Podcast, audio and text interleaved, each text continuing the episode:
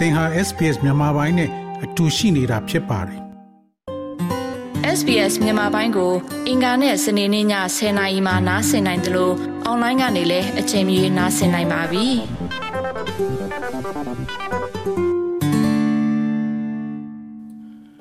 ဒေါက်တာထွန်းအောင်ရှိခင်ဗျာအခုလိုကျွန်တော်တို့ SBS Radio မြန်မာပိုင်းစီစဉ်နဲ့ဆွေးနွေးပေးမဲ့အတွက်ကျေးဇူးတင်ပါတယ် SBS Radio ပရိသတ်တွေကိုနောက်တစ်ခေါက်လောက်ဒေါက်တာထွန်းအောင်ရွှေရဘယ်သူလဲဆိုတာကိုမိတ်ဆက်ပေးပါဟုတ်ကဲ့ကျွန်တော်ကျွန်တော်ကထွန်းအောင်ရွှေပါဒီအမျိုးသားညီညွတ်ရေးအစိုးရရဲ့ဩစတြေးလျနိုင်ငံဆိုင်ရာကိုယ်စားလှယ်ဖြစ်ပါတယ်ခင်ဗျကျွန်တော်သိချင်တာတစ်ခုက NUG အနေနဲ့မြန်မာပြည်ထဲမှာဒီစစ်အာဏာရှင်က ဒီရွာတွေကျောင်းတွေဘုံကျဲတယ်ဆိုတာဒါပြည်တွင်းစစ်မှတောင်ဒါမျိုးစစ်လိမ်မြန်တွေကိုသုံးခွင့်မပြုတဲ့ဥစ္စာမှာသူတို့ကဒါမျိုးသုံးပြီးဘုံတွေကျဲတယ်ကျောင်းတွေကိုအဲ့ဘုံကျဲတယ်နောက်ရွာတွေကိုမီးရှို့တယ်ဒါတွေကဟိုနိုင်ငံတကာတရားစီရင်ချက်နဲ့ကြည့်မယ်ဆိုရင်ဒါပြစ်မှုကျူးလွန်တာတွေပဲလေအဲ့တော့ NUG အနေနဲ့ဒီ ICC တို့ ICJ တို့ကိုဒါရီကိစ္စနဲ့ပတ်သက်ပြီးတော့တင်ပြဖို့ရောရှိပါလား ဟုတ်ကဲ့တကယ်တမ်းဆိုရင်တော့ဒီစစ်အုပ်စုကကျူးလွန်နေတဲ့အပြည်ပြည်ဆိုင်ရာရာဇဝတ်မှုပေါ့နော် international crime ဆိုတာမှာနှစ်မျိုးပါပါတယ်ဒီ war crime ဆိုတဲ့စစ်ရာဇဝတ်မှုရယ် crimes against humanity ပေါ့နော်လူသားချင်းဟိုလူသားမျိုးနွယ်ပေါ်မှာကျူးလွန်တဲ့ရာဇဝတ်မှုပေါ့အဲ့နှစ်ခုစလုံးအတွက်ကိုအပြည်ပြည်ဆိုင်ရာတရားစီရင်စနစ်အောက်ကနေစစ်အုပ်စုကိုအေးအေးယူနိုင်ဖို့အတွက် NUG အစိုးရအနေနဲ့စ조사ခဲ့တာဒီပြီးခဲ့တဲ့2021ခုနှစ် ဇူလိုင်လတွေကပါအဲကျွန်တော်မှတ်မှတ်ရဆိုရင်ဒီဇူလိုင်သို့မဟုတ်ဩဂတ်လမှာ NUG ကစာရဆောင်ကို ICC ကိုပေးပို့ပါတယ်ပေးပို့ရတဲ့အကြောင်းရင်းက ICC ရဲ့ဆုံးဖြတ်ချက်တွေကိုမြေသားညီညီအစိုးရအနေနဲ့အကုန်လုံးကိုလက်ခံပြီးတော့မှတာဝန်ယူဆောင်ရွက်သွားဖို့ဆိုတဲ့ဟာမျိုးသဘောတူညီချက်ပေါ့လေဆိုတော့ဒီစာကတော်တော်လေးအတိတ်ပဲရှိပါတယ်ဗျ။ဘာကြောင့်လဲဆိုတော့ ICC ကိုစတင်တည်ထောင်ရတဲ့ ရောမဒီသဘောတူစာချုပ်ပေါ့နော် Rome Statute မှာမြန်မာကလက်မှတ်ရေးထိုးထားခြင်းမရှိသေးဘူးဗျမရှိတဲ့အခါကျတော့ ICC ရဲ့ဩဇာတက်ရောက်မှုကအကန့်အသတ်တစ်ခုရှိနေတာပေါ့နော်ဆိုတော့ဒီလိုအကန့်အသတ်ကိုမရှိအောင် UNG ကဖွင့်ပေးလိုက်တာပါအဲတော့ရောမ Statute ရဲ့တည်ဆဲလုံလုံလုံတွေရ ICC ကနေပြီးတော့မှအရေးယူဆောင်ရွက်မဲ့ကိစ္စဝါဝါကို UNG ကအကုန်လုံးကိုလက်ခံတယ်ပူပေါင်းဆောင်ရွက်မယ်ဆိုတဲ့ statement ကိုထုတ်တာပါဒါကပထမဆုံးခြေလှမ်းပါ နောက်တစ်ခုကတော့ဒီ ICC နဲ့ ICJ မှာမြန်မာအရေးရာဇဝတ်မှုကြီးတွေကိုကျူးလွန်မှုတွေကိုစုံစမ်းနေတဲ့ကုလသမဂ္ဂကနေဖွဲ့စည်းပေးထားတဲ့လွတ်လပ်သောအချက်လက်ရှာဖွေကော်မရှင်ကိုနဲ့လည်းကျွန်တော်တို့ NUG ရဲ့လူခွင့်ရေးဆိုင်ရာဝန်ကြီးဌာနကအနီးကပ်ဆုံးပူးပေါင်းဆောင်ရွက်နေပါတယ်။ဒါကလည်းဒုတိယချက်နဲ့တစ်ခုပါ။တတိယကတော့ဗာလဲဆိုတော့ဒီ ICC ICJ ဆိုတာကကုလသမဂ္ဂတဆင့်သွားတဲ့လမ်းကြောင်းပေါ့နော်အဲ သွားတဲ့အခါမှာဒီကုလသမဂ္ဂလုံခြုံရေးကောင်စီကနေခွင့်ပြုမှဒီလမ်းကြောင်းကပွင့်ပါတယ်ဆိုတော့ဒါကလည်းအတိုင်းအတာတစ်ခုထိအဟံသားလေးတွေရှိတယ်ပေါ့နော်အဲတော့နောက်တစ်ခုကတော့ဒီကုလသမဂ္ဂအထွေထွေညီလာခံကခွင့်ပြုရင်လည်းဒီလမ်းကြောင်းပွင့်ပါတယ်ဆိုတော့အဲ့ဒီနှစ်ခုစလုံးမှာတိုင်းတာတစ်ခုဒီအကန့်အသတ်လေးတွေတော့ရှိနေတယ်သို့တော့ကျွန်တော်တို့ရဲ့ကုလသမဂ္ဂဆိုင်ရာမြန်မာအမြဲတမ်းကိုယ်စားလှယ်တာမတ်ကြီးဦးကျော်မှုထွန်းကတော့အစဉ်တစိုက်ကုလသမဂ္ဂ အဝင်းဝိုင်းထဲမှာသူစူးစမ်းနေတာအားလုံးသိပြီးဖြစ်ပါတယ်အဲ့တော့ဒီအပြင် UNG ကစူးစမ်းနေတာတော့ဒီ Universal Jurisdiction ဆိုတဲ့တကမ္ဘာလုံးလွှမ်းခြုံတဲ့တရားစီရင်ရေးမူပေါင်းအောက်ကနေလဲဒီစစ်အုပ်စုကိုတရားစွဲနိုင်ဖို့သူတို့ကျူးလွန်ခဲ့တဲ့ရာဇဝတ်မှုတွေအတွက်တရားမျှတမှုကိုကျွန်တော်တို့ရှာပေးဖို့အတွက်စူးစမ်းနေတာလည်းရှိပါတယ်အဲ့ဒီ Universal Jurisdiction အောက်ကဆိုရင်ဒီအတိအသာဆုံးကတော့ဒီအာဂျင်တီးနားနိုင်ငံမှာ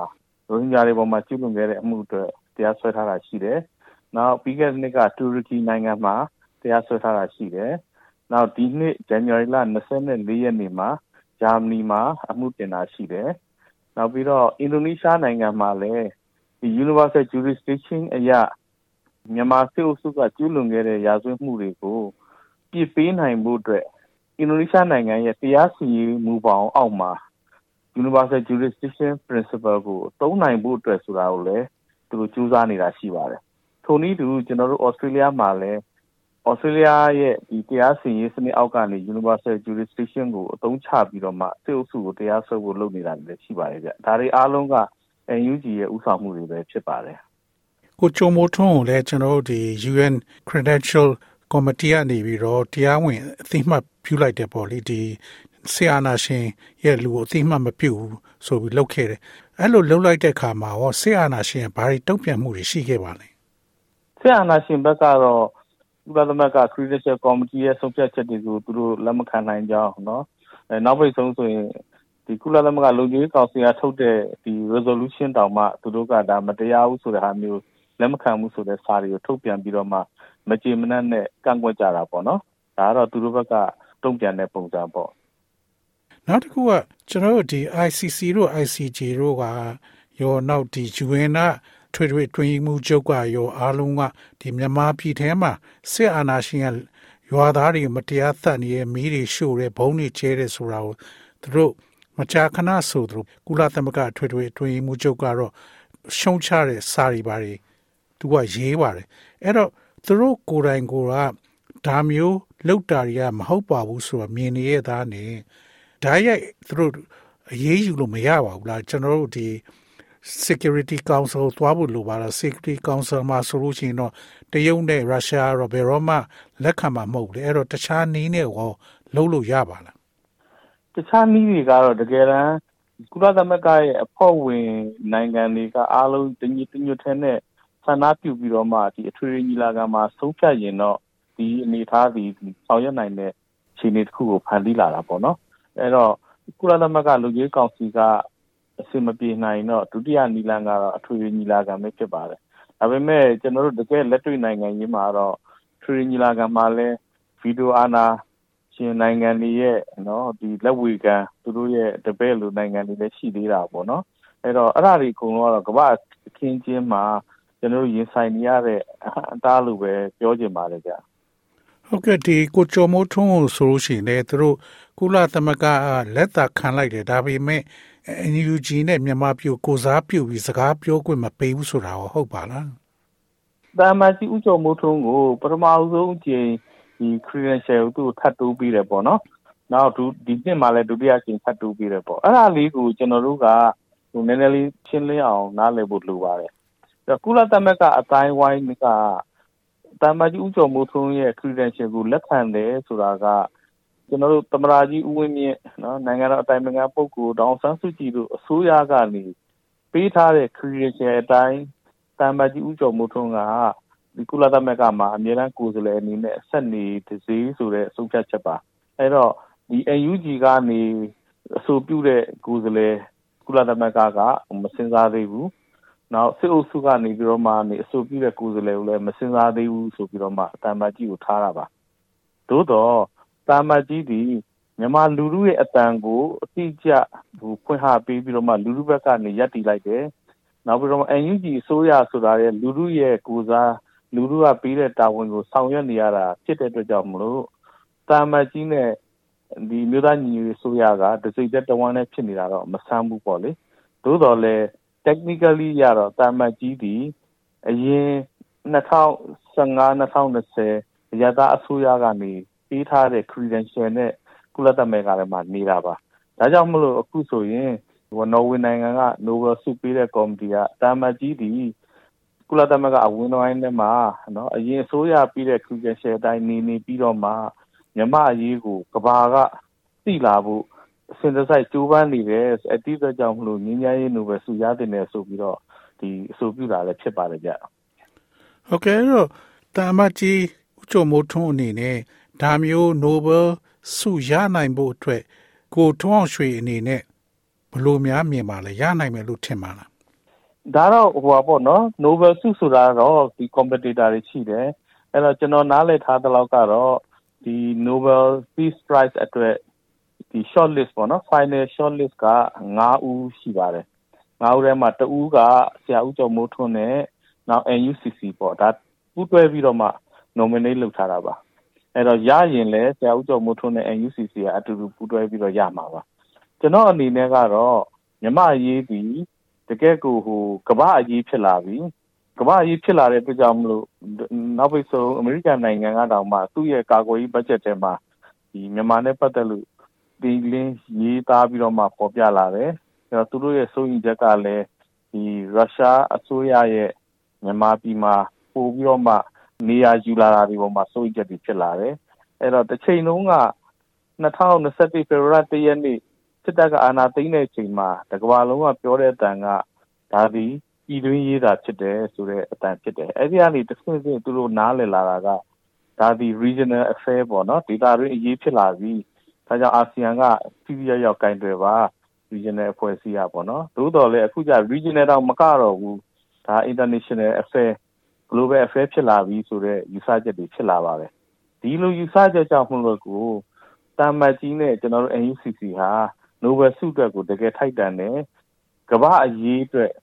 မြန်မာပြည်ရဲ့ညီညာရေးရဖို့မြန်မာပြည်ရဲ့နိုင်ငံရေးပြဿနာပြည်လည်စေဖို့ခြေတန်းကနေဆောင်ရွက်နေတဲ့ပုဂ္ဂိုလ်အဖွဲ့အစည်းတွေဖြစ်တဲ့အတွက်ကြောင့်မလို့ ထိုက်တန်တယ်လို့ကျွန်တော်ကတော့ယုံကြည်ပါတယ်ဗျဒေါက်တာထွန်းအောင်ရွှေအနေနဲ့ NUG ကိုယ်စားလှယ်တယောက်ဩစတြေးလျကိုယ်စားလှယ်တယောက်အနေနဲ့ဒီ Australian အစိုးရကိုကျွန်တော်တို့အခုဆိုလို့ရှိရင်မီးရှို့ခံရတဲ့အိမ်တွေမီးရှို့ခံရတဲ့ဒီတောသူတောင်သားတွေကဒီတောတွေထဲမှာပုံနေရပါတယ်ပုံနေရပြီးသူတို့အစားအသောက်တို့ဆေးဝါးတို့ဘာတို့ကအတော်လေးအခက်ခဲတဲ့ရှိနေရလို့သိရပါတယ်အဲ့တော့ဗမာပြည်ထဲမှာဝင်လုံနေတဲ့ Free Ranger Burma အဲ့သူတို့လို NGO မျိုးကို Australian အစိုးရအနေနဲ့ငွေကြေးထောက်ပံ့မှုရောကိုထုံးအောင်ရွှေအနေနဲ့ကြိုးပမ်းထားတာရှိပါလားကိုထုံးအောင်ရွှေအနေနဲ့ဖြစ်နိုင်မယ်လို့ထင်ပါလားအဲအဲ့ဒါတော့ကျွန်တော်ကြိုးပမ်းထားတာတွေတော့အများကြီးရှိပါတယ်ပထမဆုံးအနေထားနဲ့ကတော့မြန်မာပြည်မှာတကယ်ကိုပကတိဖြစ်ပျက်နေတဲ့အနေထားတွေကိုဩစတြေးလျအစိုးရသိအောင်ဒါကျွန်တော်မြဲအစဉ်တစိုက်လုပ်ပါတယ်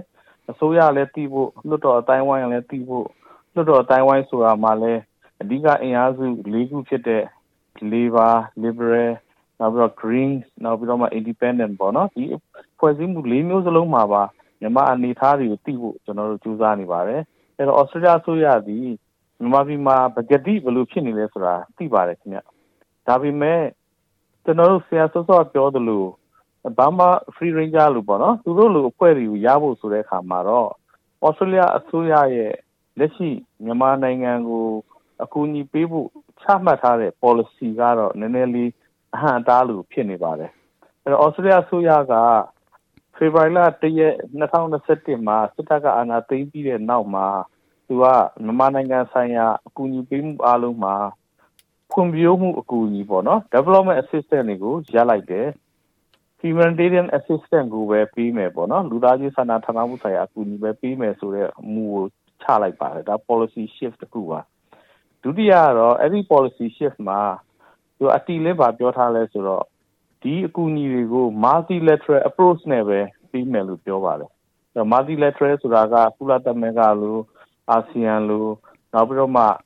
ဒီဩစတြေးလျဆိုတဲ့အမြဲတုံးတဲ့ trusted partner ပေါ့နော်သူတို့နဲ့အစဉ်တစိုက်လက်တွဲလာပြီးတော့မှဩစတြေးလျဆိုရကနေယုံကြည်တယ်လို့သတ်မှတ်ထားတဲ့ဖွဲ့စည်းတွေကတဆင့်ပြီးမယ်ဆိုတဲ့မူဖြစ်ပါတယ်ကြအဲ့တော့ ကျွန်တော်ဒီကြပေါက်တည်တာကတော့ Free Burma Ranger လို့အဖွဲ့လူမျိုးကတော့ Australia အစိုးရရဲ့ Trusted Partner List ထဲမှာမပါသေးပါဘူးခင်ဗျအဲ့တော့ကျွန်တော်တို့ကတော့အခု Australia အစိုးရကိုဘာကိုဆက်လိုက်မှတ်တတ်ပြောနေလဲဆိုတော့ဒီကုလသမဂ္ဂရဲ့မြန်မာနိုင်ငံထဲမှာရှိတဲ့ agency တွေ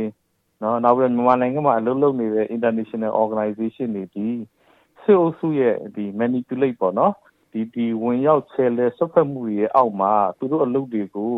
ထိထိရောက်ရောက်လုပ်နိုင်စွာမရှိပါဘူး။ဒါကြောင့်မလို့တကယ်တမ်းဩစတြေးလျအစိုးရရဲ့သူသဖြင့်ဩစတြေးလျပြည်သူတွေရဲ့ဒီ taxpayer money ပေါ့နော်အခွန်ထမ်းပြည်သူတွေရဲ့ငွေတွေကိုရာနှုန်းပြည့်ကြည့်ရောက်စွာအသုံးချခြင်းရင်တော့ဒီ cross border program ပေါ့နော်နေဆက်ဖြတ်ကျော်ပြီးတော့မှအကူအညီပေးမှတနည်းအားဖြင့်စေအုပ်စုကနေ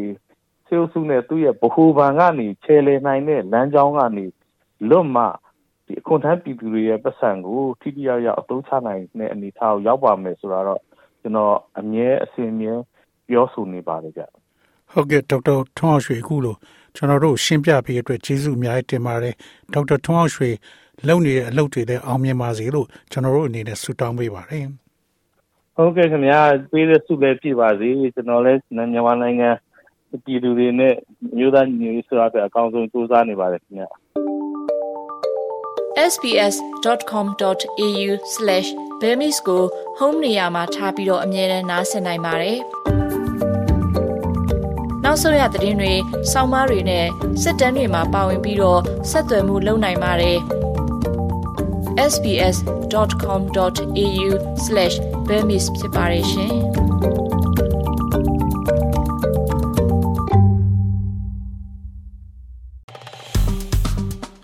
SPS မြန်မာပိုင်းကို Facebook ပေါ်မှာ like ရှာပြီး like မျှဝေမှတ်ချက်ပေးပါ